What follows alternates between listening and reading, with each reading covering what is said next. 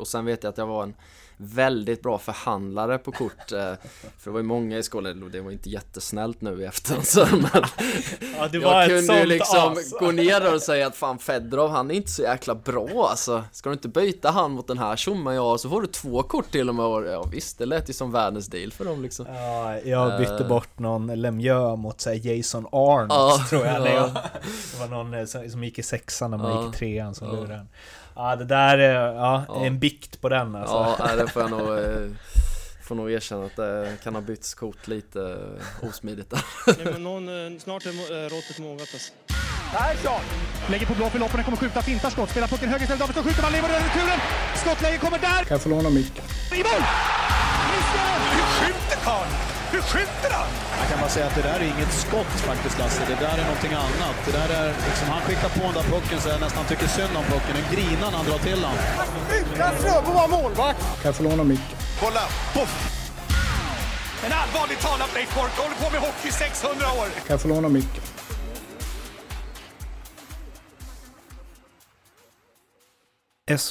Podden Möter är här igen. Jag heter Mårten Bergman som vanligt. Det här är NordicBets podcast om SHL ju och eh, de här specialavsnitten där jag intervjuar SHL-spelare lite längre.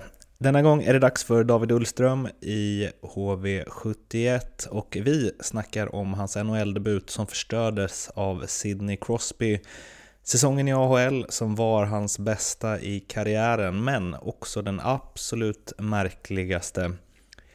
Vi pratar om gulden med HV71, alla flyttar han har gjort i KHL, Hockeybilds-samlandet och idolen Sergej Fjodorov. Mig når ni på att Martin Bergman på Twitter, att SHL-podden på Twitter eller eh, så kan ni mejla på martin.bergman.se gmail.com. Nu tillbaka till den 23 februari i Kinnarps Arena i Jönköping. David Ullström, mycket nöje.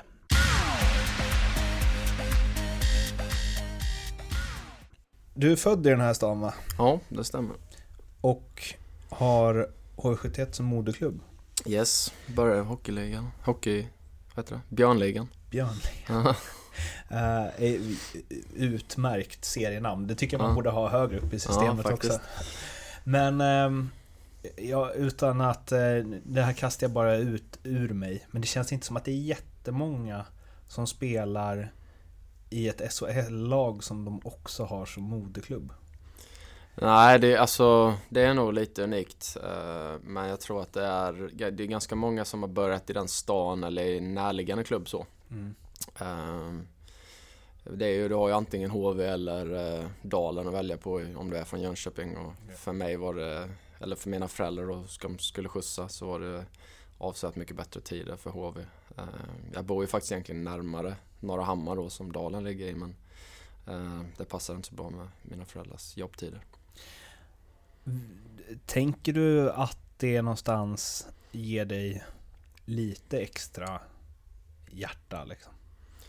Alltså mitt, mitt hjärta är ju för HV, eller jag har ju följt dem sedan hela livet och vuxit upp med, med, med alla de stora legenderna och eh, ja, när jag var liten så var jag egen kommentator när jag, när jag spelade på gatan och kommenterade alla HV-spelarna så det är klart att eh, klubben betyder mycket för mig. Och, eh, spelade här till jag var 19 och första gången jag bytte lag. Eh, och då var jag i Borås i några matcher och sen spelade jag ända fram till jag var 21 tills jag bytte klubb första gången. Så att, eh, eh, jag har inte sett så mycket annat än HV så det är klart att det, det är ju starka band. De har gått här nere i, i eh, eh om, mellan omklädningsrummet och eh, alla vaktmästare. De har ju varit med sedan man var, man var litet barn. Och, så att det, man har ju väldigt, eh, det är en väldigt familjär känsla så för, för mig. Jag är ju mer eller mindre uppvuxen här i, i de här lokalerna. Vem var du när du kommenterade?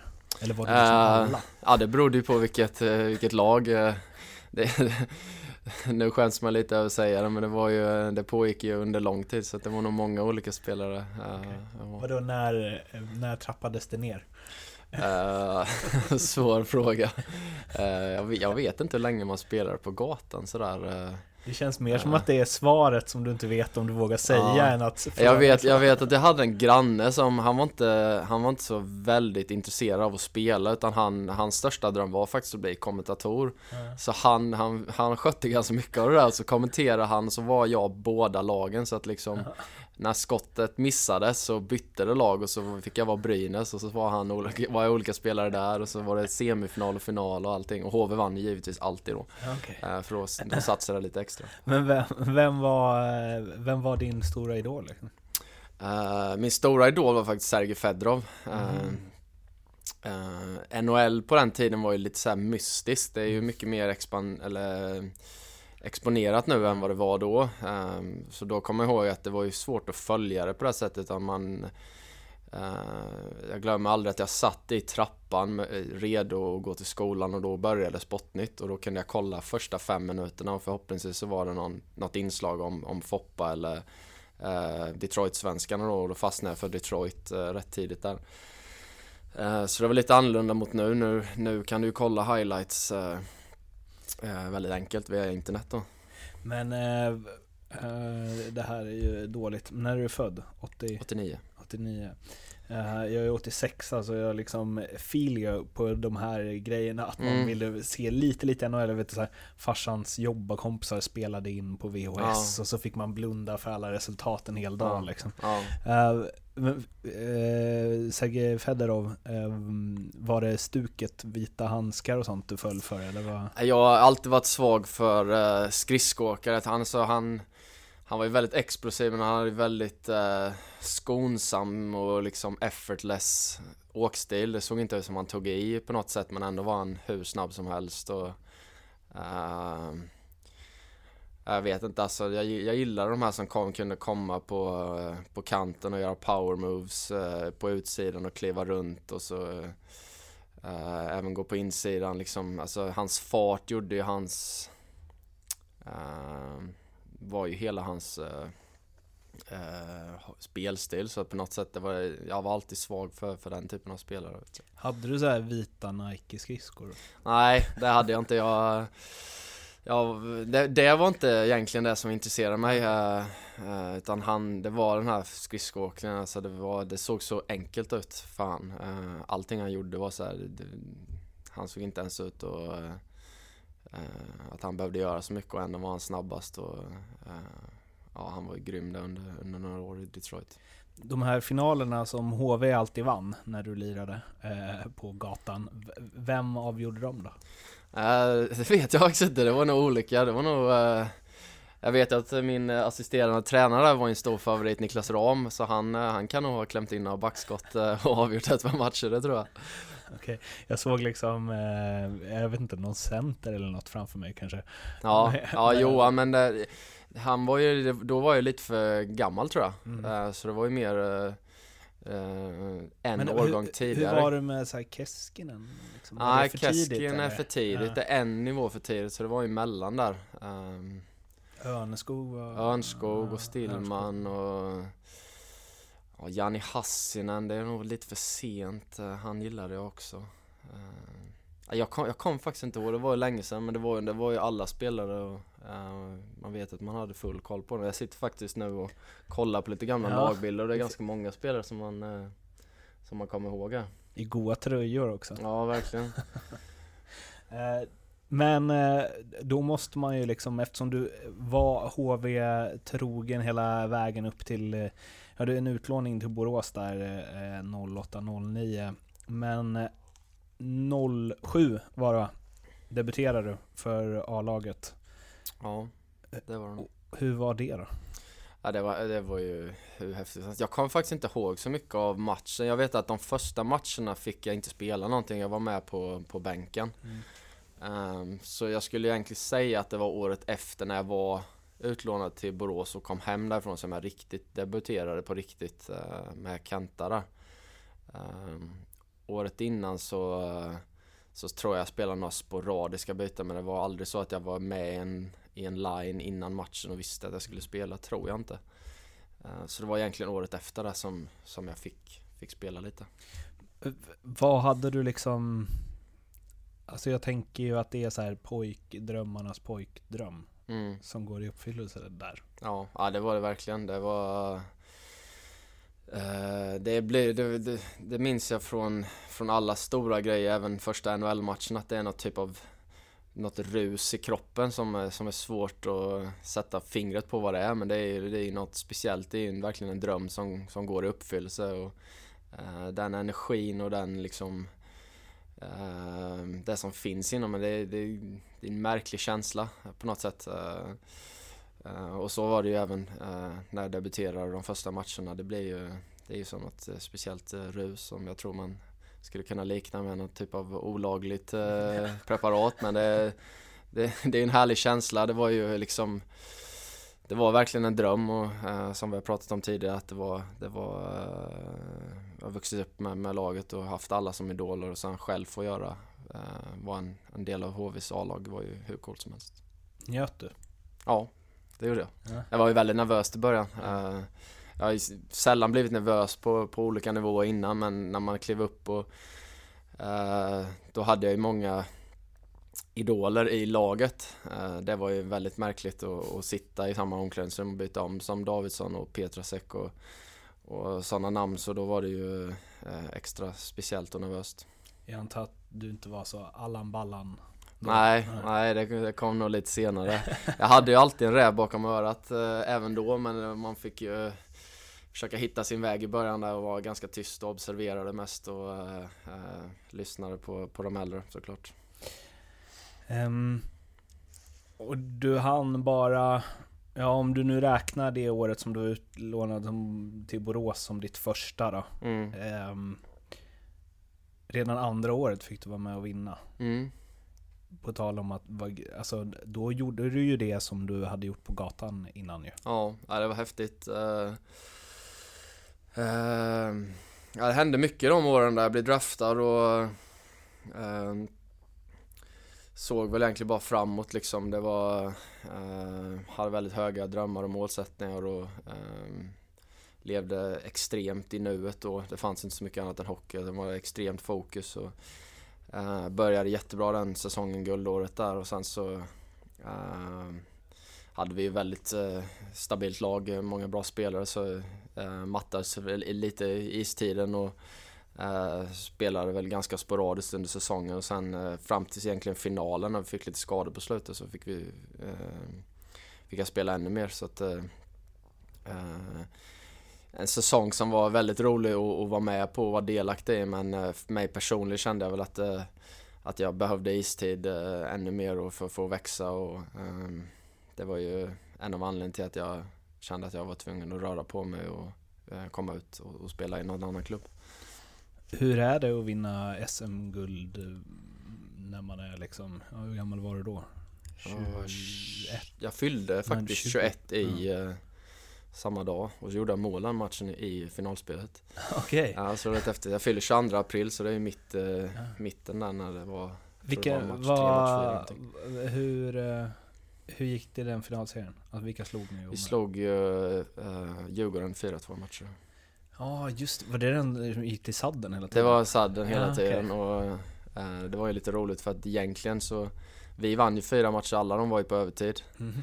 Och de matcherna vi förlorade eh, tog de så egentligen poängmässigt så hade de ju mer poäng. Det tycker jag var lite roligt.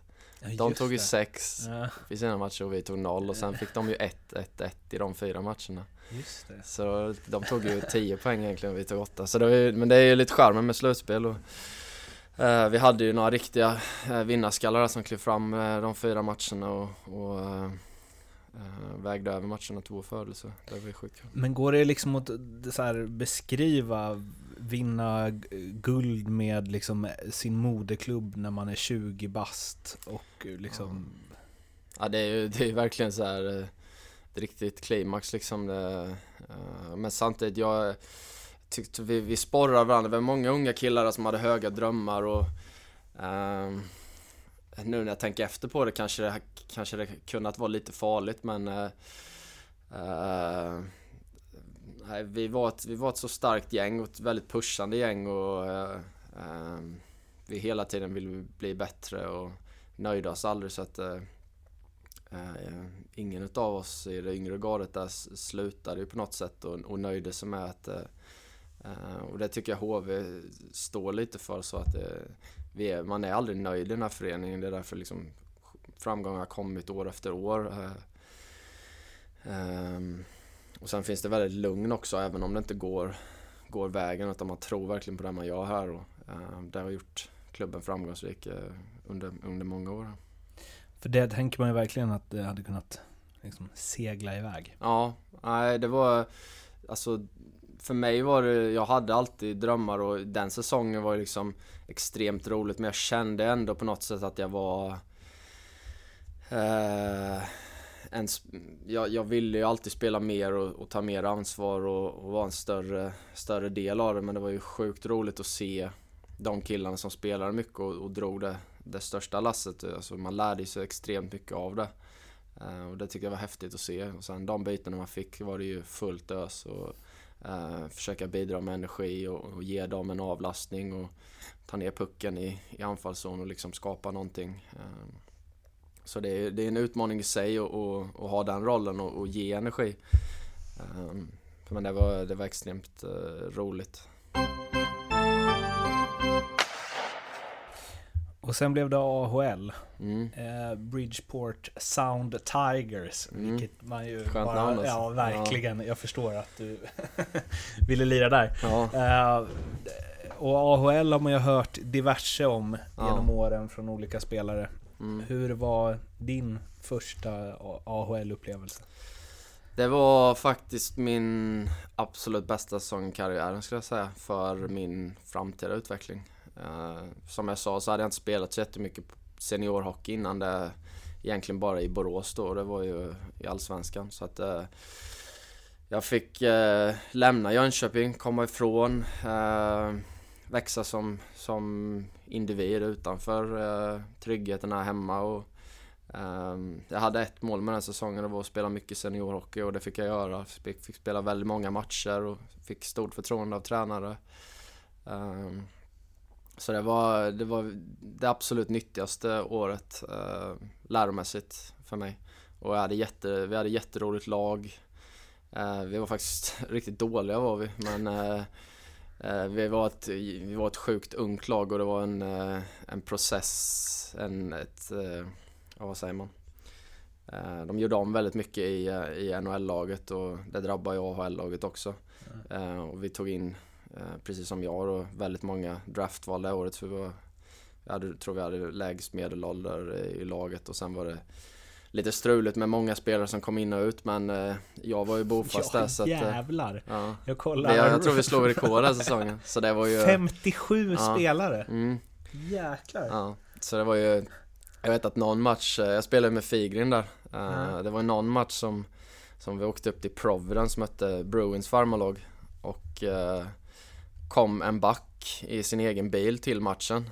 Bytte om spelare med oss och man liksom hälsade på honom och välkommen så här. Och sen så dagen efter så uh, tänkte man inte mer på det. Och sen vet jag att Figge frågade mig två, tre veckor senare. Bara Kom du ihåg den här killen som bara kom till matchen i Providence? Liksom? Och jag bara Ja just det, han, han åkte inte ens med bussen hem. Då var han borta liksom, då såg man aldrig den killen mer. Så lite så var det, så att det var ju struligt så, vi hade ju, det var ju lite dåligt uh, uh, Ja vad ska man säga, det är lite så det funkar och det är många som, som kom in och ut eh, sådär men det var ju kanske lite för, för mycket omsättning på spelare Fem spelare som gjorde en match. Ja Det säger ju en hel del liksom Minns du vad den här backen hette eller? Nej, Louis Liotti, ja var det En? Raita tror jag. En, en, jag minns han lite så här, men det, det är många spelare som jag inte minns från den säsongen. Det, men vi var ett gäng ändå som var draftval som, som höll ihop sådär ganska bra. Sen var det liksom ja, fem, sex platser som det rullades ganska friskt på. Så att, eh, eh, Det säger ju någonting att du så skrattar lite när du säger Ja. att ni var ganska dåliga. Ja. Det ringar ju in lite vad Ja. AHL är. Det är liksom Det är mest den individuella utvecklingen som är viktig där. Ja, det, alltså för mig var det, jag ville ju spela mycket hockey och som jag sa individuellt sett så tog jag ju många steg där men sen så ehm, Det var aldrig Aldrig så som, alltså vi kämpade för att vara så bra som möjligt för jag tror inte Jag tror inte på bara den individuella utvecklingen alls utan alltså du, du du har alltid en fördel av att spela i ett bra lag. Så att det, lag, det året var det inte jättemånga som blev uppkallade till kontra från, till nästa år när vi var när vi vann eh, Eastern Conference tror jag. Mm.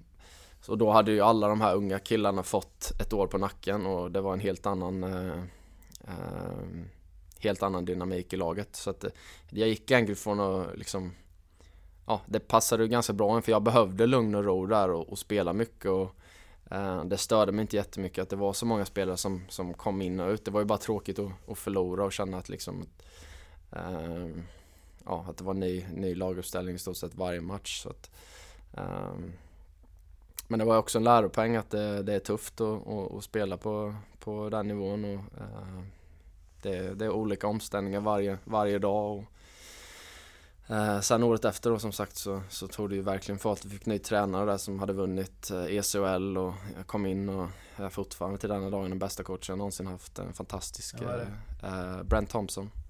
Okay. Eh, trodde på mig och Nej, han var, han var grym alltså. Det var...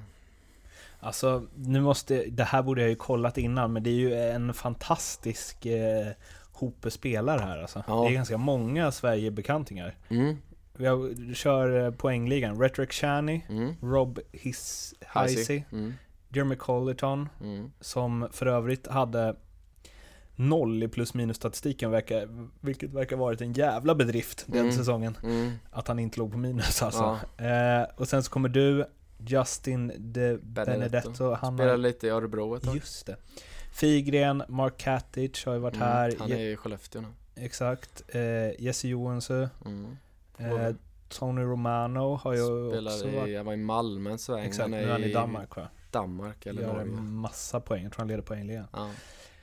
Eh, Dylan Reese. Reese. Eh, vad har vi mer då? Eric Castongay. Mm.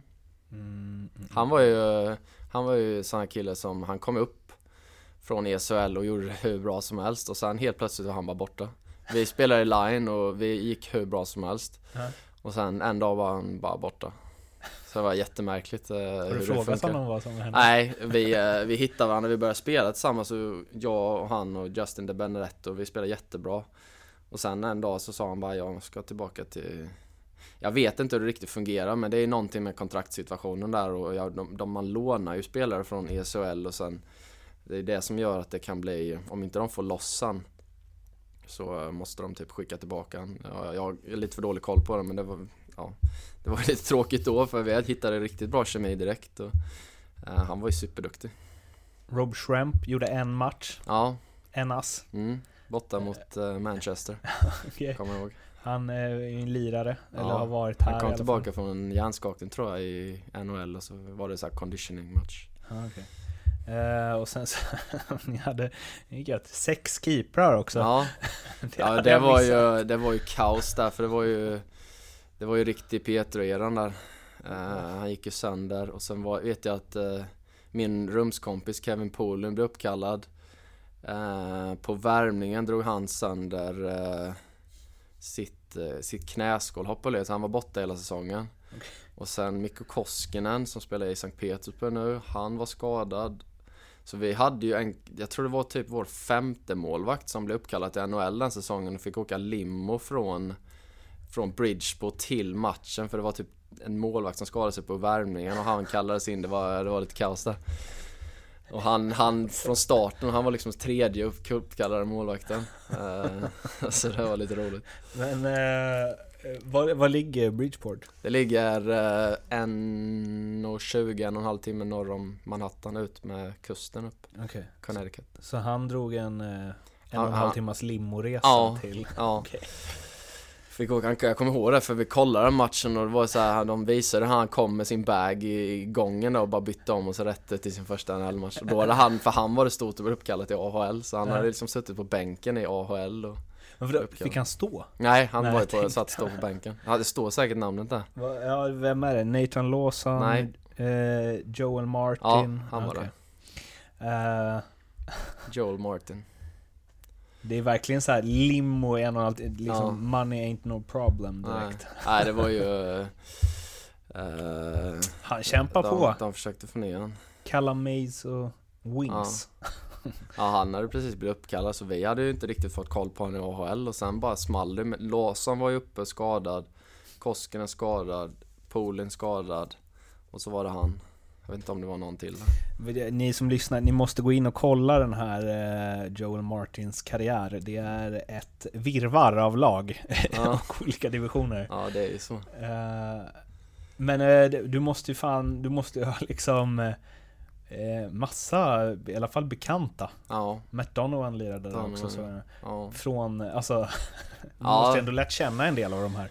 Ja, eh, det var ju det var ett par spelare man spelade med under de åren så det är eh, jag har fortfarande kontakt med, med några utav dem. Det är väl eh, av dem du har nämnt nu så är det väl De Benedetto som inte spelar fortfarande. Eh, men de flesta som vi pratar om är ju någonstans runt om här och mm.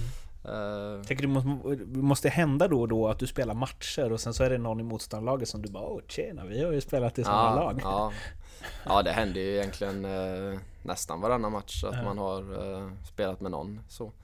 Men också att så här, ibland, det är ju så många så att ibland kanske man inte, du inte ens har koll på det tänker jag. ja, kanske.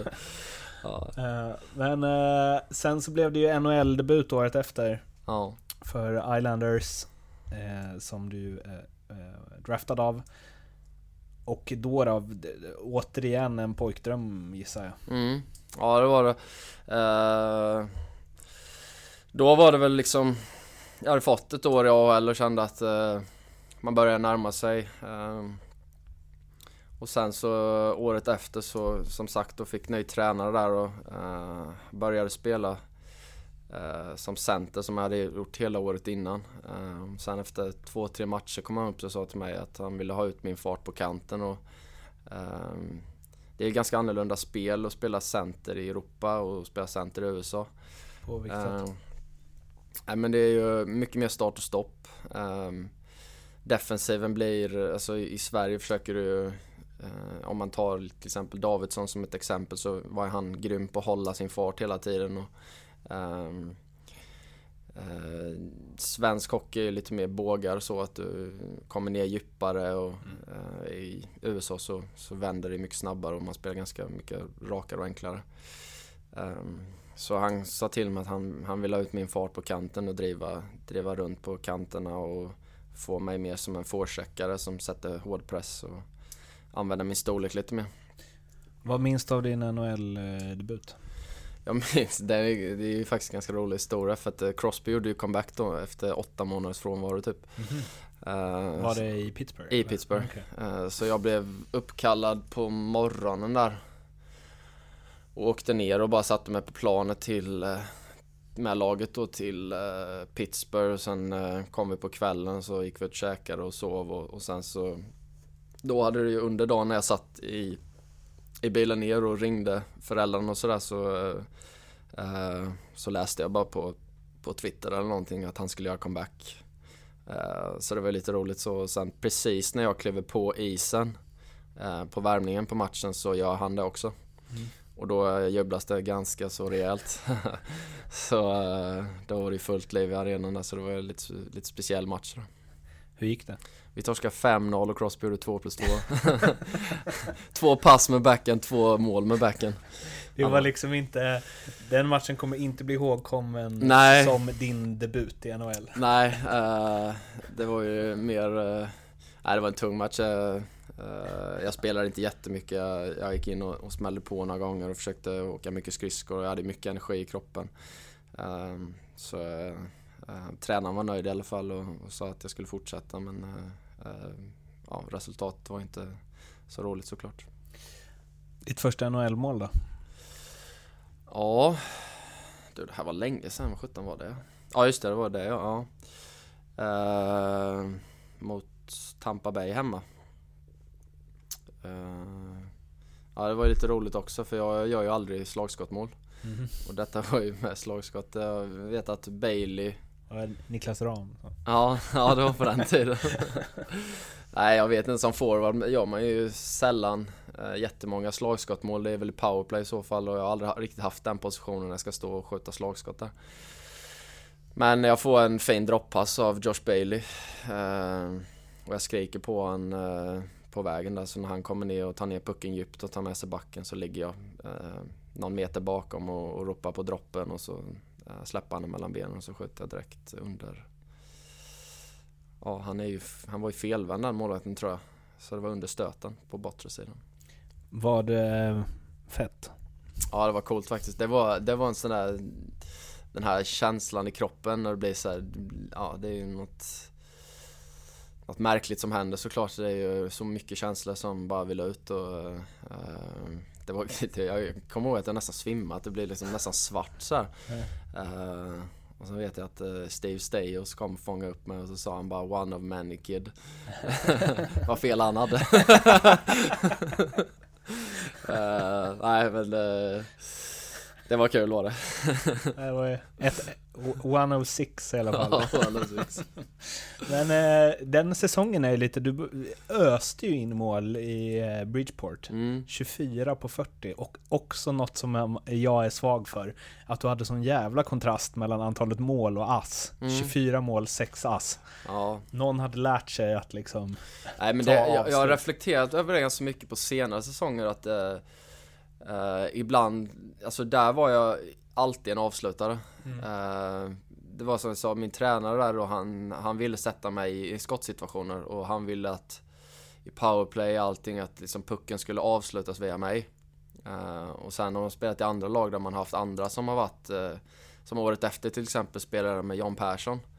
Eh, som spelar i Mora nu, som, han skjuter på allting och han, han har riktig näsa för mål. Och då gjorde jag istället ganska många mer assist än vad jag gjorde mål. Eh, för att då var det ju, vi ville ju nå han, för han var ju, han har ju riktig så här, eh, näsa för målet och gillar att skjuta och eh, så den säsongen var det ju jag då som skulle stå och, och göra. Och sen var det ju, det var ju liksom en sån säsong där mycket gick in. eh, eh, Du har ju aldrig haft den eh, differensen mellan Nej. mål och ass Nej. som du hade den säsongen Nej, jag-. Jag bytte ju till ytterforward där med så att eh, Och jag vet att Det var ju i den vevan när jag blev uppkallad. Jag, jag, jag gjorde nog mål i åtta raka matcher och sen blev jag uppkallad. Eh, Så det, det var en sån där säsong som jag sköt så gick det in liksom. Det, Den letades in. Men är det liksom en, eh, borde en skyttekung längst in eller? Som- Nej jag, jag vet inte, det i år börjar man ju fundera på det Om jag säger så, det känns som man skjuter och skjuter och skapar lägen men ingenting vill gå in och, eh, Eh, men det är väl det som är lite charmen med hockey med att eh, Man kan ha liksom det här stämmet där du det bara skjuter och liksom den letar sig in, den tar på grejer och, och sen bara kan du rulla på det liksom. Men eh, I år har jag fått kämpa för det mycket mer och eh, har ju varit uh, extrem motstuds kan jag tycka ibland. Men det, är- det är så, det är en sån charm i det och det är bara att fortsätta skapa lägen och, och det låter ju extremt tråkigt när jag säger det men det är ju faktiskt sant för ibland så, så sätter man bollen i rullning och då bara rullar det på. Ja, det klipper vi bort. Nej, eh, NHL, eh, om du sa- sammanfattar de två åren, eller det var ju liksom upp och ner NHL och AHL. Mm. Dels, eh, man ska inte ställa två frågor igen, men eh, jag gör det ändå. Dels New York Islanders, vad var det liksom som organisation och så då? Och sen så varför eh, lämnade du? Uh, jag... Uh, or, organisationen var ju i en... Uh, i en lite ny bildning där så att säga. Fått in Tavares och fått några höga draftval så det var ju liksom, jag var ju ändå med i den, i den ruschen när man, när man skulle, när det skulle börja byggas om och draftval skulle få chansen. Um, så jag tycker vi gjorde det riktigt bra vårt första år. Uh, Eh, och liksom man kände att det var något bra på gång, ehm, tyckte jag. Eh, och sen då mitt sista år då, alltså andra året jag spelade i NHL ehm, Så var det ju, då blev det lockout.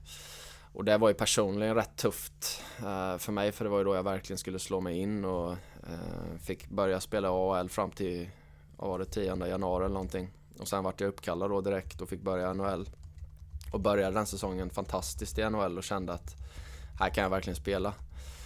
Ehm, men eh, ja, de ville liksom spela igång andra spelare som inte hade spelat så mycket och min, min isteg gick ner lite och sen så började det hattas fram och tillbaka igen och ehm, uh, Det var ju lite tungt uh, så sett. Uh, Jag kände att jag hade mer att ge och ehm, istället för att pumpa min istro när det började väldigt bra så försökte man få igång andra spelare och ehm, det är förståeligt i sig att, att man vill få igång alla. Vissa, vissa hade inte ens spelat i något lag. Eh, eh, så det var väl en av anledningarna till att det gick bra, att jag hade ju hållit igång i, i AHL.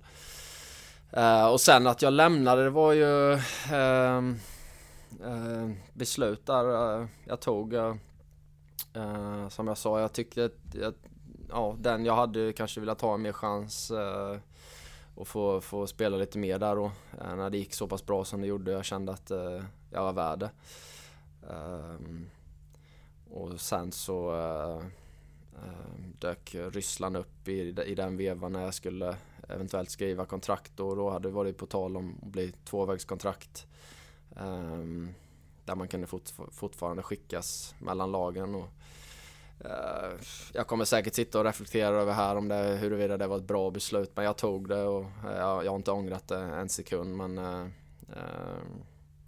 ibland tänker jag att jag skulle gett ett år till eller två år till och ibland känner jag att jag gjorde rätt beslut men uh, jag, jag försöker inte, eller jag tänker inte ens på det att jag, jag, jag tog beslutet och uh, jag har haft, haft fyra jättebra år i, i Ryssland så uh, det är ingenting jag tänker på så.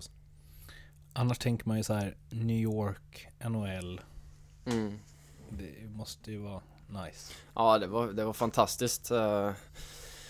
Men eh, jag precis som alla andra hockeyspelare gillar att, eh, att spela hockey, spela spelet. Jag, jag, satt, jag spelar inte jättemycket sådär du vet. Och jag var den, den enda udda killen om man säger som varken spelade box eller PP. Så att i vissa matcher kunde den man bli... enda? Ja men många spelare, jag tror ja. nästan det. Jag tror de liksom det är ganska hård matchning där, många i fjärdelinan och i min line då, jag spelar ofta tredje femman, spelade box. Och första två linorna spelade ofta powerplay. Så jag tror faktiskt jag var den enda killen som, in, som varken spelade antingen eller. Um, och då kunde man ju bli sittande väldigt, väldigt länge. Mm. Um, och det har jag ganska svårt för som spelare. Jag är ganska stor och explosiv. Uh, så när jag blir kall så drar jag på mig syra lätt. Uh, och det tyckte jag var ganska, ganska tungt liksom att sitta för länge och känna att det var svårt att hålla sig kvar i matcherna. Och, eh, adrenalinet försvann och ehm, eh, så det var, det var egentligen det jag, jag grundade på just där och då. Eh, jag var fortfarande ung och eh, visste väl egentligen inte vad jag gjorde men eh, så är det och det kan man väl reflektera efter karriären om man, huruvida man gjorde rätt eller fel men jag försöker inte se det som, som något rätt eller fel utan det är gjort, det är gjort. Jag har ju en eh, podcast eh, eh, varje vecka tillsammans med Per Arbrandt och eh, André Brändheden som mm. kapten i Rögle förut bland annat. Han berättade att när han spelade i Växjö så eh, eh, fick han inte lira så mycket ett tag, men han satt och var så jävla redo hela tiden mm. och bara hällde i sig energidryck ja. längst ut på bänken. Så han gick upp fem pannor för att han ja. bara, nu ska jag vara på G här. Ja. Och han vägde, han var också sån liksom, stor och liksom Eh, så han hade ja. det lite kämpigt där. Ja men man, så är det ju att man, man, man, liksom, man slappnar inte av men det är ändå Nej. ganska tungt och liksom Det blir ju som att det, du, du vill ju det, det är ju som när du är ute och springer, du får en typ av andra andning liksom. Mm. Du, du får en puls i kroppen och liksom flödet med, med blod bara cirkulerar och Eh, Eh, när du tappar det så kan du försöka, man försöker med allting, spottryck, energibars, allting för att hålla den här lågan uppe så länge som möjligt. Men det, det är lite tungt ibland sådär att bli sittande men det är också någonting som man har gjort och man har lärt sig av och det gäller ju alltid att vara redo men eh, ehm, eh, Och alla kan ju inte spela lika mycket, det är ju, så är det ju. Ehm, ehm, eh, men ja, det, det. Tror du att du eh, liksom brände dig i NHL? Eftersom du valde att lämna. Uh, jag, jag tänker jag att de vet. stämplar folk där. Nej, det tror Alltså det är många som, som går. Zuccarello gick ju ett år till mm. Ryssland, gick tillbaka och spelade, spelade Rangers nästa år. Så att... Uh, Uh, det tror jag inte. Jag tror, jag tror att är man tillräckligt bra så spelar man NHL. Uh, så enkelt är det. Uh, så jag tror inte jag brände mig. Hade jag gjort 200 poäng i KL det året så kan jag lova att det är folk som hade ringt mig från NHL. Mm. så att det, det, tror jag inte. Uh, möjligtvis att Islanders inte var jätteglada på mig, det vet jag faktiskt inte. Men alltså det är ju det är en sån typ av business där det, där det roteras mycket spelare och kommer spelare in och ut. Det har vi ju fått höra från de lagen liksom eh, tidigare år där, så att eh, det är en sån bransch där det eh, där det flyttas mycket men är du tillräckligt bra så, så hamnar du där du förtjänar. För att vi inte ska liksom, den här podden inte ska bli tre timmar lång så tänker jag KL-karriären, du har ju den är ju lite speciell. Jag skulle säga, jag såg inte jättemycket av dina matcher i KL. Nej. Men om jag utgår från statistik så är det liksom, men det är ju Lokomotiv Jaroslav, eh, jag vet inte, pra, Prag, mm. Eh, om de bara heter så på svenska. Eh, Severstal. Severstal, Cherepovets. Exakt. Mm. Sibir, mm. Novosibirsk, eh, Dynamo Minsk. Och, och två av säsongerna så spelar du i två lag. Mm. Uh, om du liksom, uh, och det här är ju ändå fy, under fyra års tid, men om du uh, istället för att vi ska gå säsong för säsong, så om du tar bara liksom ord, ja. du får ordet fritt att ta oss igenom ja. de här fyra åren. Ja, Jaroslav, det var jag väldigt exalterad över. Ett fint lag, mm. bra lag. Tränaren som tog dit med en kanadensare, eller nej, eng, engelsman tänkte jag säga, jänkare. Eh, som tog dit, men han fick sparken efter fyra omgångar. Okay. Eh, vi tog in juniortränaren som var 72 år gammal, Tikhonov liknande. Uh. Eh, fruktansvärt. Hur fruktansvärt? Nej, alltså det, det, var liksom... Nej, det var, det var... Jag har aldrig känt mig sämre i hela mitt liv. Det var dåliga träningar, det var monotont, långsamt det var som att vi tränade för Vasaloppet och vi spelade hockey liksom. Det var, eh, det var ju helt den gamla skolan när man kunde spela två och en halv minut byte men man åkte inte riktigt max. Eh, hockeyn går ju mer mot, mot explosivare och snabbare och kortare byten liksom så att det, det var ju ja, en helomvändning mot USA liksom. Eh, så ja, jag bad väl om en trade. Hamnade i Prag, hade fantastiskt där. Ehm, och sen på sommaren så skulle jag resigna där. Ehm, laget la ner. Ehm, efter vi förlorade sjunde avgörande i finalen mot Magnitogorsk det året i slutspelet. Så det var ju väldigt tråkigt och då, då är det ju så i Ryssland att det, det finns bara fem importplatser och många var tagna. Och, um, jag och en kompis hamnade i, Adam Malmqvist hamnade i Sävestal. Uh, han bröt uh, ja, bröt knät tänkte jag säga, men han eh, slog ju knäskålen och led och var borta hela den säsongen. Och, eh, det var ju liksom ett lag som, det fanns inga större ambitioner i föreningen eller i laget. Eh, eh ingen jätterolig stad om jag säger eh, snällt uttryckt. Nej, uh, speciellt inte så från Prag också. Nej, nej Prag är... var ju fantastiskt. Uh, speciellt i och med att vi hade sånt fantastiskt bra lag. Då, så att, går väl också en krog per 30 invånare? Ja, det kanske det gör. Nej, men det var, vi hade grym tränare där med i, i Karo Jalinen som senare blev eh, finsk eh, landslagstränare och tränar Bern nu med stor framgång. Eh, fantastiskt duktig, smart tränare. Så det var väldigt roligt att spela under honom. Det är han som ska få fart på Johan Matti Altonen nu? Ja, gick nu. han till Bern? Ja. ja.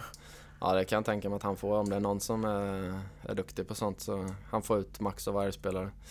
Ställer extremt höga krav, han är väldigt, väldigt smart. Um, så det var ju tråkigt. Eh, han hade i och för sig signat redan för finska landslaget så att uh, uh, han skulle ju bort ändå men och sen när Adam gick sönder i Säversdal så, så fick jag ett Facebook-meddelande av en, min gamla målvakt från Bridgeport-tiden, Mikko Koskinen.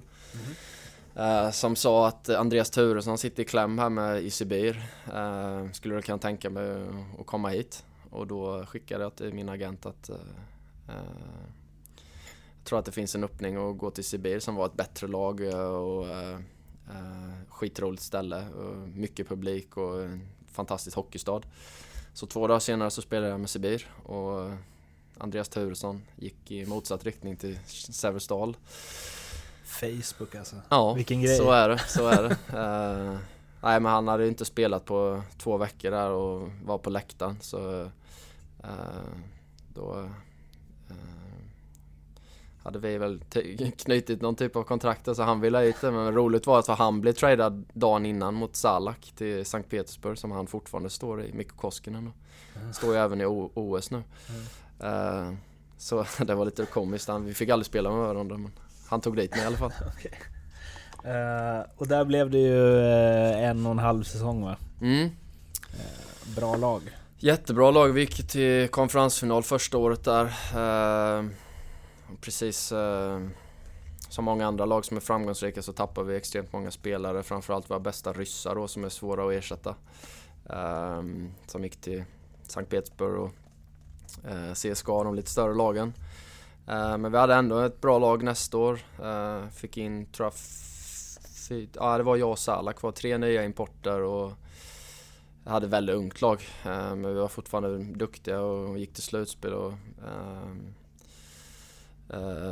mötte Magnitogorsk som vi hade slått ut året innan i kvarten. Ehm, som vi torskade mot, mot då. Men det är ju det är ett väldigt, väldigt bra lag med Mosiakin i spetsen där. Så det var två, två väldigt bra eh, säsonger för klubben och eh, ett lag som eh, kanske inte har eh, resurserna för att gå så långt men de har väldigt stor hockeyatmosfär och eh, fantastisk publik som hejar fram det laget.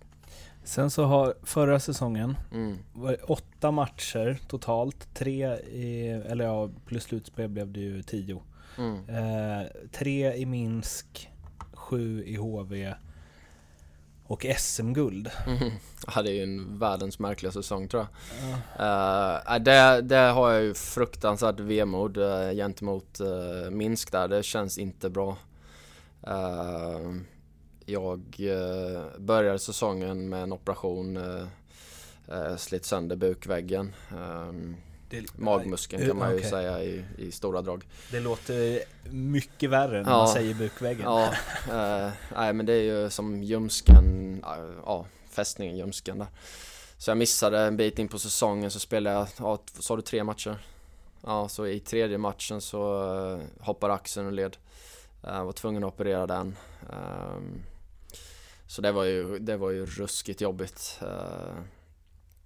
Uh, Uh, känner mig inte bra mot klubben liksom. De har investerat i mig och jag kom dit för att lyfta min karriär och var extremt taggad på att få jobba med en, uh, med en kanadensisk coach där.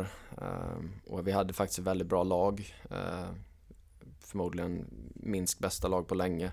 Hade fått hem Sergej Kostitsin bland annat mm. som har varit i andra KL-lag. Så att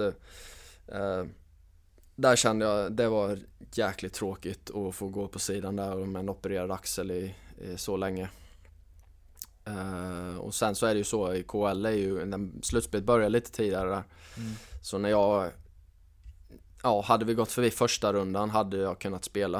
Uh, men då tog jag beslutet med, med GM där och, och, och riva kontraktet i, för att kunna ha en chans att spela med HV. Uh, där slutspelet börjar lite senare. Eh, så han är ju faktiskt med, eh, ja vad var det, 6-7 matcher innan slutspelet. Eh, så när jag spelade första matchen med HV, det var samma dag som Minsk åkte ut mm. slutspelet. Så, så så sätt var det väldigt bra, men sen så bröt jag ju armen i, i slutspelet i HV, så det var ju, det var ju bara pricken över i liksom. Okej, okay, men hur blir det då att så här, ni vann ju ändå SM-guld? Ja, alltså jag glädjes ju något eh, fruktansvärt med liksom staden och, mm. och, grabbarna i laget men såklart så hade jag ju ingen större del i det så sett. Eh, utan det var bara fantastiskt att, fira det som, som vilken invånare som helst i Jönköping som, som den pojken som jag var som har vuxit upp här. Och, uh, det är ju det är en fantastisk stad att vinna i och uh, det var jättekul att, att vara med och var, se hela resan på nära håll. Hur, hur laget kom ihop och hur det formades och hur linerna klickade. Eh, och blev till den, den lagmaskinen som, som oftast eh, vinner Championship. Liksom det, det, är en, det är oftast hela laget och eh, varenda kille blev viktig för vi hade mycket skador även i slutspelet. Inte bara jag utan Abbott och bröt ju nacken. Och, eh, andra spelare. Och, eh, ett sånt där minne jag har var ju att Kevin Stenlund kanske inte hade spelat jättemycket utan hans roll växte mer och mer och sen i finalspel spelade han i första linjen och var superbra. Um, så det var verkligen en hel laginsats. Även uh,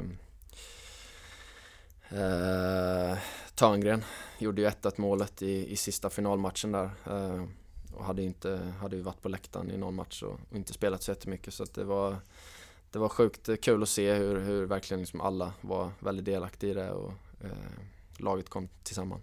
Hur var det att vara, för jag tänker att man blir så här, framförallt som du varit skadad en hel säsong och sen mm. bryter armen, att det måste ju finnas en jobbig känsla. Ja, alltså där och då var det ju bara sikte på nästa säsong. Mm. Uh, Men just att ha det samtidigt som laget du tillhör och som är så laget i ditt hjärta och mm. där du känner, alltså så här, som de bara mot guld. Jo. Det måste ju vara ja, alla... men det var ju kul så ändå få vara med om, om allting mm. uh, inifrån liksom. Men känner uh, du att du har två SM-guld? Ja, alltså det har jag väl. Uh, till, till, till som, jag känner ju inte kanske det här SM-guldet. Alltså det, jag, jag försöker, jag tror inte man... Alltså det, det är som det är liksom. Det, jag, jag tror inte man behöver känna Eh, ja, jag är glad för att eh, uh, HV har vunnit och jag har fått vara med på resorna liksom. Uh, jag lägger väl inget märke i om det står ett eller två eller 0 eller 3 utan jag är, jag är glad för att, för att klubben vann och för att staden vann. Men alltså jag, personligen kände jag mig, alltså jag var ju inte superbra. Jag hade varit borta i tre månader men opererat axeln och knappt spelat innan det heller. Så att, jag jobbade ju väldigt hårt med att få igång kroppen just där och då. När jag bröt armen var det så att ja, det var ju nästan som att liksom bara sätta punkt för den mest katastrofala säsongen i historien. Eh, och sen så när grabbarna bara fortsätter köra på så var det bara kul att kolla på bra hockey och sitta och njuta på läktaren. Du kunde göra det ändå? Absolut. Det var ju Uh, jag hade inte varit med på hela säsongen så det var ju svårt och jag lärde fortfarande känna killarna i laget så mm. jag försökte bara komma och göra min rehab och vara en glad kille och pusha på dem och uh, ja, som jag säger, njuta av bra hockey. Um, var det lättare eller svårare att bli skadad igen eftersom du hade haft en skada innan? Bra fråga. Jag var ju extremt taggad på att komma hem till HV. Det var ju liksom, eh, jag hade inte varit hemma på sju säsonger så att eh, eh, Alltså när jag signade då, då var det liksom, det är klart jag drömde mig bort på att kunna liksom vara med och, och vinna ett SM-guld och ehm, uh, Kände ju extremt stor revanschlusta, precis som jag säger, för det VM-året jag hade gentemot Minsk och ändå kunna avsluta snyggt eh, och göra en bra säsong uh, på den tiden jag hade. Ehm, det är lite så man tänker som hockeyspelare att har du en dålig match så är det ju nästa match hela tiden och det som hade hänt hade hänt, det låg bakom mig och Ehm, ehm, hade en extrem stolthet i att kunna liksom ja, inte rädda upp det på det sättet men liksom jag, jag, såg ju bara framåt och då var det HV och på något sätt var det ju en, en nytändning i att, att komma hem skadefri och liksom känna att nu, nu börjar min säsong på något sätt med, med nytt lag och även om det blev en, en eh, komprimerad säsong så var det liksom ja, det var den, den tiden jag hade att, göra något speciellt och så det var ju skittungt att och, och, och bryta armen där men det var, ja, då, det, man blev ju bara paff och liksom mm. nej, det hände inte mer eller mindre och, och sen så gick man vidare och bara pusha på grabbarna. Kände du direkt att? Ja. ja. man ser det på bilderna tror jag att eh, jag åker ju bara av direkt. Eh, den var ju ganska krökt om jag säger så. Uh, det såg inte så jättevackert ut så jag kände att det var ju helt kört liksom. Att du förlängde presenterades på Guldbanketten va, tror jag? Mm. Varför skrev du på? Nej, jag hade ju extrem revanschlusta såklart. Uh, fick ju inte chansen att göra mig till rättvisa då som vi pratade om, blev skadad där och trivs ju såklart. Eh, bra i stan och med, med grabbarna i laget och eh, nej, jag kände att det kändes jätterätt. Är du här för att liksom göra tio år och bli en Davidsson? Ja, vi får se. Jag, eh, jag tar det då som den då, alltså, eh, Match för match. Match för match, så är det ju. Eh, man har ju, ja, vi har ju gått igenom min karriär. Det har ju hänt både höger och vänstersvängar så att man, man tar ju ingenting för givet. eh, i den här branschen och eh, det, är, det är ju det är en business, så är det ju. Eh, I år har det kanske inte gått riktigt som jag har tänkt mig. Eh, eh framförallt utdelningsmässigt och jag tycker jag har spelat eh, okej okay i vissa stunder och eh, speciellt nu på slutet har jag fått igång kroppen och känner att jag kan, kan vara ett hot i, i många byten på matchen. Eh, men eh, utdelningen har ju varit eh, katastrofal enligt mig. Så att eh, eh, men nu är, det, nu är det sju matcher kvar och sen är det slutspel och det är, det är bara nya matcher som, som man tar fokus på. Man, man lägger ju det som har hänt bakom sig snabbt. Men om man säger så här. Drömmer du om något, eller så här, alltså, eh, känner du så här, fan jag är inte klar i NHL eller jag vill göra något så här, det här äventyret eller se och så, eller om, om det hade blivit så att det blir tio säsonger till i HV, hade du varit eh, det är väldigt hypotetiskt förut, men hade du varit helt fine med din karriär då? Att ja, du... alltså jag...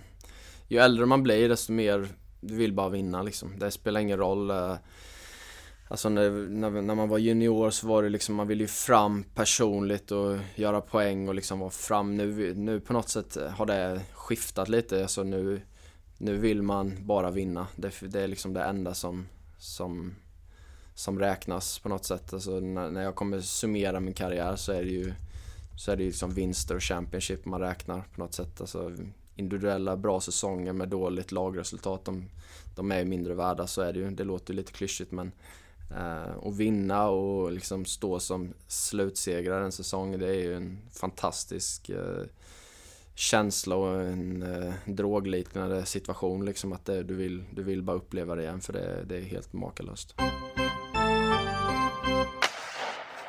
Avslutningsvis eh, lite frågor som jag alltid kör i slutet mm. med eh, alla. Förutom Foppa, Sudden och eh, Lidas, vem är Sveriges bästa spelare genom tiderna? Uh... Erik Karlsson. Förutom Gretzky och Lemieux, vem är världens bästa genom tiderna? Sidney Crosby. Tror du att eh, om det hade funnits en tidsmaskin så du hade kunnat åka tillbaka i tiden, tror du att du eh, som du är idag hade spelat i första femman i alla NHL-lag 1990? Nej. Okay. jag tänker att det ändå utvecklats ganska mycket hockey. Ja. Men jag vet inte, får jag ha deras utrustning och liksom... Eh, ja, du tänker så? Ja. Alltså farten har liksom utvecklats med ja. utrustning och allting. Mm. Liksom sätta på sig på ett läderskridskor och dålig skena och nej, en träklubba, usch. Nej. Fjodorovs eh, Nike. Ja, det är ju en bedrift i sig att bara kunna åka runt på det där materialet. Om du får tänka helt fritt, vilken regeländring, hur galen den än må vara, hade du velat testa någon match inom hockeyn? Oj. Mm. Det skulle nog preppat mig lite innan det här, det är svårt. Mm. Uh...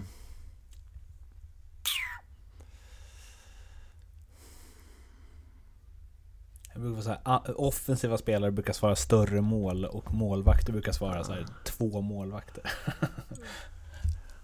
ja, mindre skydd på målvakten kanske. De, ja. de, är ju, de blir ju bara större och större. Liksom. Det är fantastiskt att se så här, typ Tommy Söderström, mm. som de gick exakt upp till knät. Ja, ja men alltså man har ju sett liksom gamla bilder och skjuta på isen liksom. Nu måste du liksom fejka ner målvakten, gå med han i sidan för att ens liksom ha en tendens till att öppna five-hole.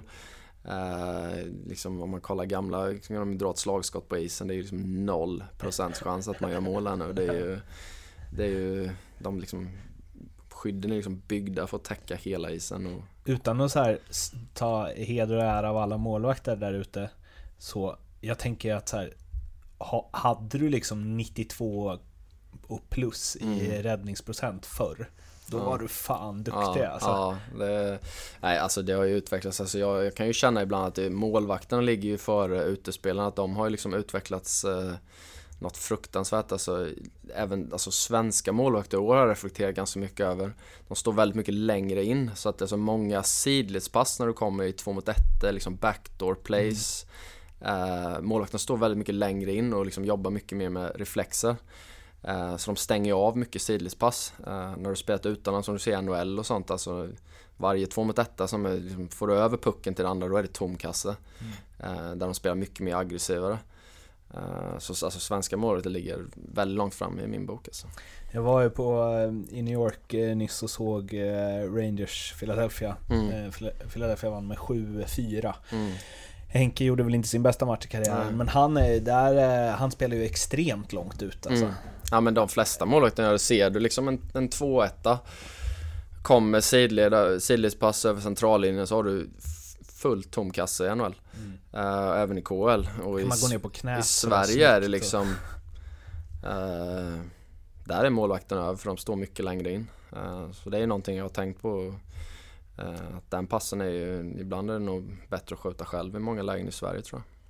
Det är de här fem målen som satt igång de ja, tankarna. Ja, exakt. De eh, eh, har väl passat lite för mycket och kan jag ju känna nu i efterhand. Men det, det är ju för att man har kommit till två ettor och liksom har du bara fått över pucken normalt sett så, så har det ju varit tom kasse och mål. Och I år när man har gjort det har man ju undrat vad sjutton gör målvakten? Någon fantom de har i målet som bara hinner över hela tiden. Men det har ju med att de står längre in.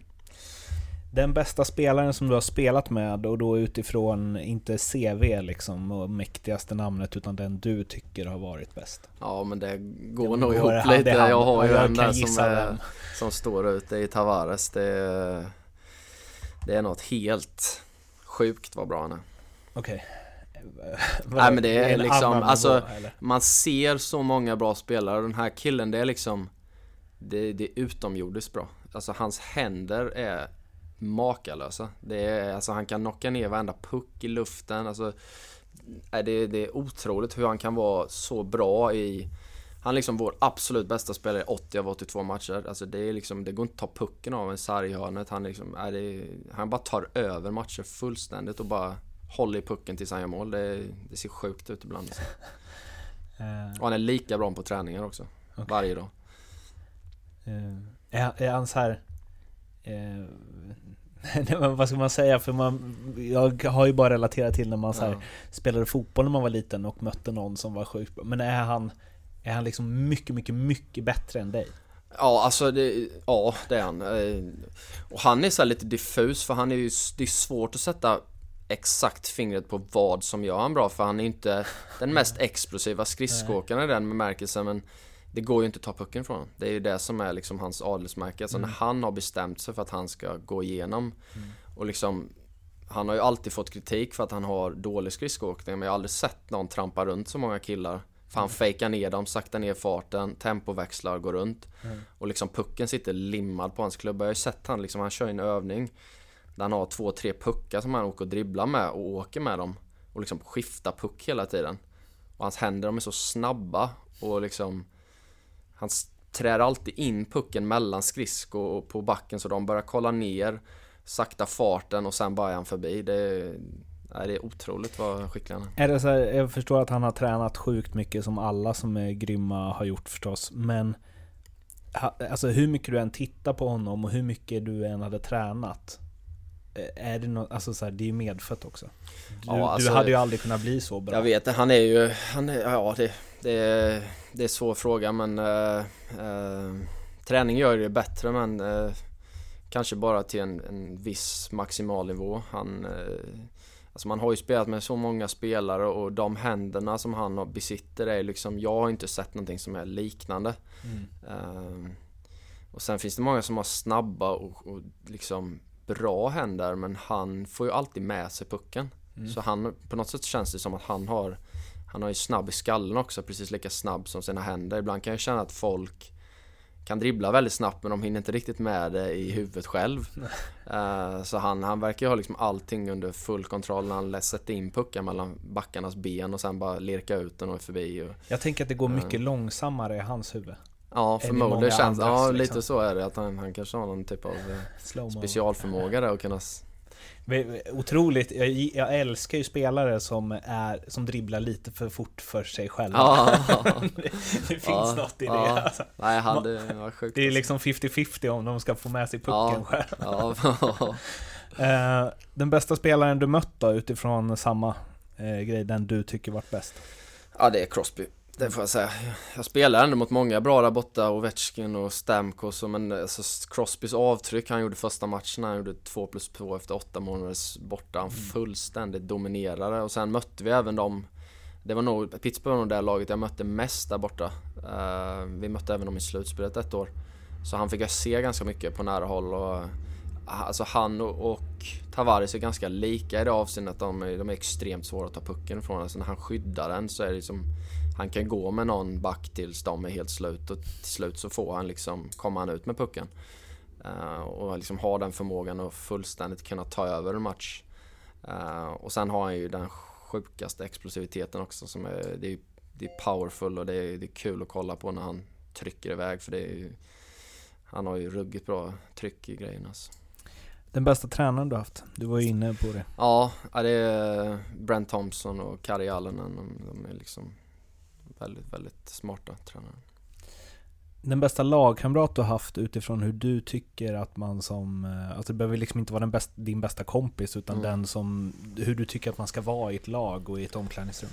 Ja, det är många men alltså eh, Tedenby är ju det som kom upp eh, direkt. Jag tycker han eh, eh, som hockeyspelare, vilket arbete du än håller på med så är det ju liksom Det är ju samma grej du gör varje dag och eh, Eh, Eh, den typen av lagkamrat och kompis, liksom, det händer alltid någonting. Han, han är alltid positiv, alltid glad, alltid skojar. Eh, sjukt seriös och proffsig när det behövs. Gör alltid jobbet och sen så bara switchar han av och är liksom världens roligaste och snällaste och hjälpsammaste människa liksom. Och, eh, får ju... Eh, ja, alltså han, han har ju det där liksom som man inte kan peka på. Han är liksom bara naturligt rolig. Allting han säger och gör och gester och miner och hur han går. Det är nog inte han, alltid meningen. Nej, nej, det är ju inte det. Men det, är liksom en, en egenskap där liksom han är rolig. Så är det. Uh, har du blivit starstruck inom hockey någon gång? Uh, ja. Crosby igen. Mm. Korridoren. Alltså. Uh, ja. då vart jag lite, eller det var mest såhär, man observerar liksom hur han såg ut i kroppen, om han liksom, vad är det som gör han speciell och så här, och, eh, ja, jag mötte han i gången där och gick man och kikade lite liksom. Var, ja, han är ändå världens bästa liksom. Vilken är din bästa egenskap som hockeyspelare? Uh, skridskoåkningen. Uh, när jag har pigga fräscha ben, kraftfull åkning och uh, uh, ja, det, det, hjälper mig i mitt spel och, och kunna, när jag har bra fart och uh, kunna ta mig runt spelare och utmana. Om du fick eh, eh, plocka en egenskap från en annan spelare, vilken egenskap från vilken spelare? Oj, det, jag skulle vilja ta massa grejer. Alltså Tedenbys edgework, eh, med det menar jag alltså hans riktningsförändringar. Mm. Eh, jag som är ganska stor och tung är ju liksom Uh, mjukare. Ja, han har ju, han har ju ett extremt, extrema riktningsförändringar. Även Mosiaken har alltså riktiga, de kan liksom åka rakt fram, full fart, ställa ja. om i 90 graders vinkel och, och inte tappa, och inte tappa fart. fart. det är sjukt Det är alltså. liksom, det är en fantastisk egenskap. Um, och jag, jag gillar ju bra skridskoåkare så jag, jag skulle nog säga det. Har du uh, frågat hur han gör? Jag vet inte, alltså det är, alltså när han fejkar insidan och man känner liksom att han har nästan flyttat sig två, två och en halv meter in och sen liksom skickar han ut kroppen igen. Uh, jag menar det är en kroppsfint som, det går liksom inte, går inte försvara sig mot den när han gör det där. Uh, och kunna ställa skridskorna så och inte tappa fart, det är fantastiskt. Hur många procent eh, talang slash hårt arbete skulle du säga att du är? Uh, är man feg svarar man 50-50. Ja, jag tänkte ju säga 50-50. uh, ehm, jag är nog... Alltså man har ju spelat så extremt mycket sporter och varit på gatan liksom så att det är ju någonstans där man lägger grunden i det hårda jobbet liksom. Det är ju, man har ju lagt otaliga timmar på att och eh, nöta på på sånt som man tyckte var lek på den tiden men det var ju eh, Eller ja, det är ju det jag jobbar med nu så på något sätt var det ju träning då så jag får nog säga 70-30 För? För träning hade du någon eh, favorithockeybild när du var liten? Alltså jag har ju varenda bild på Sergej Fedorov, alltså om det finns någon samlare där ute så får ni komma hem till mig för där finns en hel... Uh, uh, nej det var ju, det var Fedorov, jag hade alla olika. Jag kommer ihåg att jag hade så här, du vet, samma typ av kort. Men då kunde det vara en sån liten guldig, att liksom ja. loggan stod med guld, den hade jag och sen hade jag helguldiga kortet och sen det vanliga kortet och så var det liksom, det var samma kort i fyra olika uh, Så jag hade allt på hand, alltså det var um, det var den stora samlingen så det var väl något utav dem då. Jag har ju, jag tror jag har 73 olika på Peter Forsberg. Ja. Alla i varsin sån här hård plastficka. Ja, ja. ja jag hade samma sak. Det var en del veckopengar. Ja, som... ja. det var ju bästa som fanns. Åka ner och kolla om det fanns något nytt kort. Och sen vet jag att jag var en väldigt bra förhandlare på kort. Eh, för det var ju många i skolan, det var inte jättesnällt nu i efterhand så, men ja, Jag kunde ju liksom as. gå ner där och säga att fan Fedorov, han är inte så jäkla bra alltså. Ska du inte byta han mot den här tjommen ja, så får du två kort till och med. Ja visst, det lät ju som världens deal för dem liksom. Ja, jag bytte uh, bort någon Lemieux mot så Jason Arndt uh, tror jag. Uh. jag. Det var någon eh, som gick i sexan när man gick i trean som lurade den. Ja det där är, ja, ja. en bikt på den alltså. Ja det får jag nog, eh, får nog erkänna att det kan ha bytts kort lite osmidigt där. jag läste en artikel häromdagen att det finns fortfarande en hockeybildsbutik i Karlstad tror jag. Ja. Eh, där de hade lite så här hur mycket värde det är i olika bilder och så. Oh, Man satt ju där och bläddrade, vad hette det där? Bäcket? Ja. Kommer du ihåg det? Ja. Jag har aldrig fått några pengar för en hockeybild någonsin. Nej, nej det, jag har faktiskt en signerad Forsberg-bild från eh, en gammal bild, den kanske jag ska. Jag ska leta rätt och se om jag har någon ja. Federer som jag kan byta ja, till med den. Ja. eh, vad gör du efter hockeyn? Bra fråga. Eh, ju äldre man blir desto mer tänker man på det. Eh, jag har börjat plugga nu. Eh, läser lite ekonomi och eh, känner väl att det är hyfsat roligt. Eh, vill väl egentligen mer ha en, eh, en koll på vad som händer och, och lära mig lite olika branscher och, och, hur liksom bolag är uppbyggda och sådär.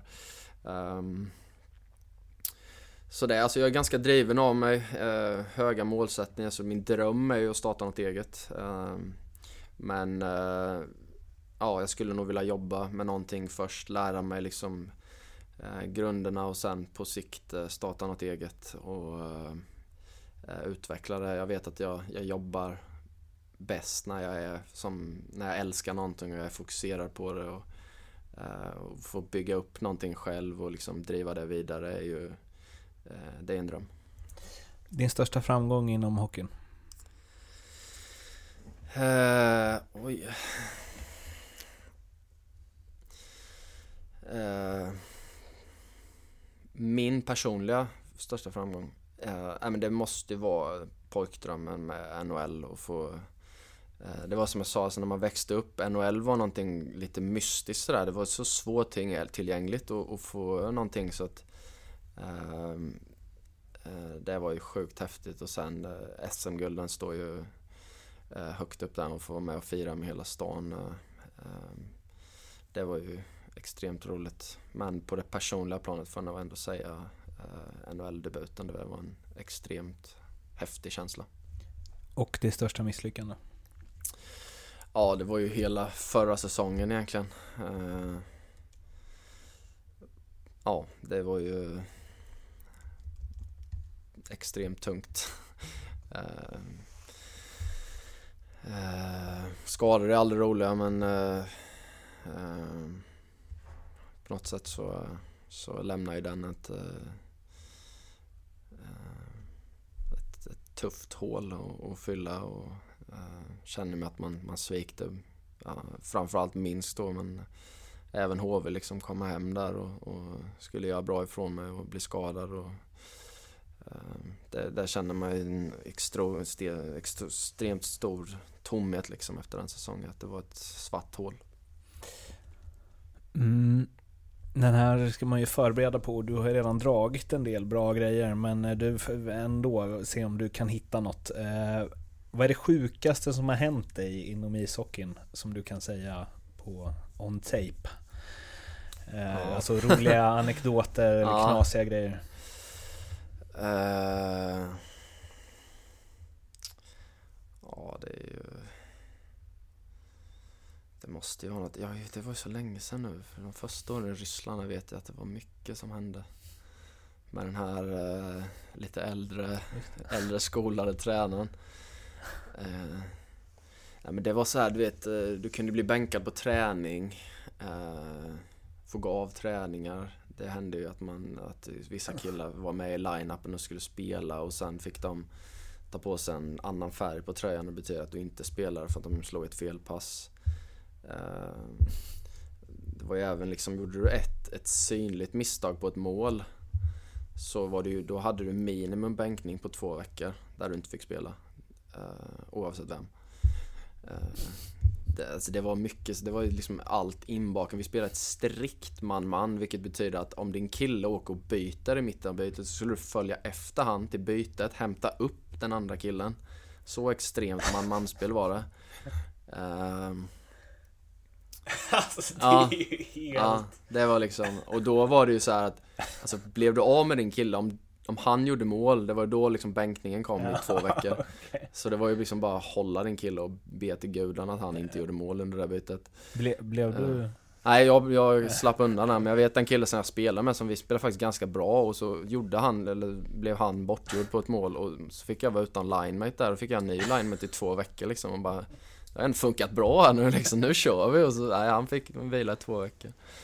Det är, lite, det, det är ju inte så mycket så här eh, inge lugn och förtroende Nej. att växa. Nej jag glömde, Juri Petrov hette han, han, han, han fick sitta på, på läktaren i två Juri veckor. Petrov, Ja, spelade han i Jaroslav, han var ju lite i Lada och varit i eh, 84 kan han vara Ja det? det stämmer nog, liten rightad center.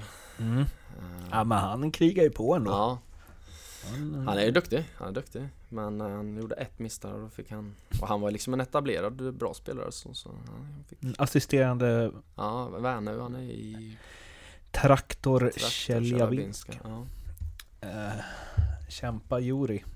mm. Eh, du, om du helt och hållet utan några, någon som helst eh, realism i det, eller det får du ju ha om du vill, men du behöver inte, får regissera din sista match i karriären. Hur gammal du är, var du spelar, vilka ni möter och vad som händer. ja, nu är det ju bara att dra på för Ja. Eh, Ja Det är ju det är bara att välja liksom eh, Det är ju här ett, ett fullsatt eh, Kinnarps arena Tror att man skulle kunna kopiera den lite mot Simon Öneruds eh, sista match på säsongen förra året Det var ju ganska, hade varit ganska häftigt att få hänga den på Sjunde avgörande, overtime, fullsatt arena eh, i sin hemstad. Eh, precis som han. Eh, han är också född i Jönköping liksom. Så det var ju liksom väldigt väl regisserat förra året. Så något, något i den stilen hade ju varit eh, extremt eh, coolt att avsluta sin karriär med. Han skulle lagt av där bara. Nej då, han har mycket mer att ge. Eh, sista frågan. Vilken SHL-spelare eh, tycker du jag borde intervjua i den här podden? Eh, Adam Almqvist. Varför då? För att han är, han är lite tystlåten men han har, han har mycket, du måste gräva djupt. Okej. Så, så kommer du få mycket, kommer du få roligt. Ja. Men det gäller, han har ett litet skal där som måste jobba sig igenom. Jag som kompis får ju höra det, den ofiltrerade versionen Ja. och den är väldigt charmig och rolig. Du kan väl liksom, eh, om jag bestämmer mig för att göra det, kan du väl liksom knacka lite på det Ja. skalet innan åt mig? absolut, att absolut. Jag, Nu ska jag ge det lite in, ins. Ja. Så här, 60 minuter om sveket. Ja, ja, Han lämnade. ja, Eh, Du, eh, David, tusen tack för att du ställde upp. lugnt. Vad kul. Där var vi i hamn. Jag hoppas att ni uppskattade intervjun och gjorde ni det får ni gärna sprida den till alla ni känner som ni tror skulle göra det också. Och ni prenumererar förstås på Acast och iTunes. Och sen så är det bara att hålla utkik på Facebook, SHL-bloggen och Twitter, SHL-podden för att se när eh, nästa eh, leverans kommer härifrån. Tills dess så får ni ha det så fint. Vi hörs, ciao!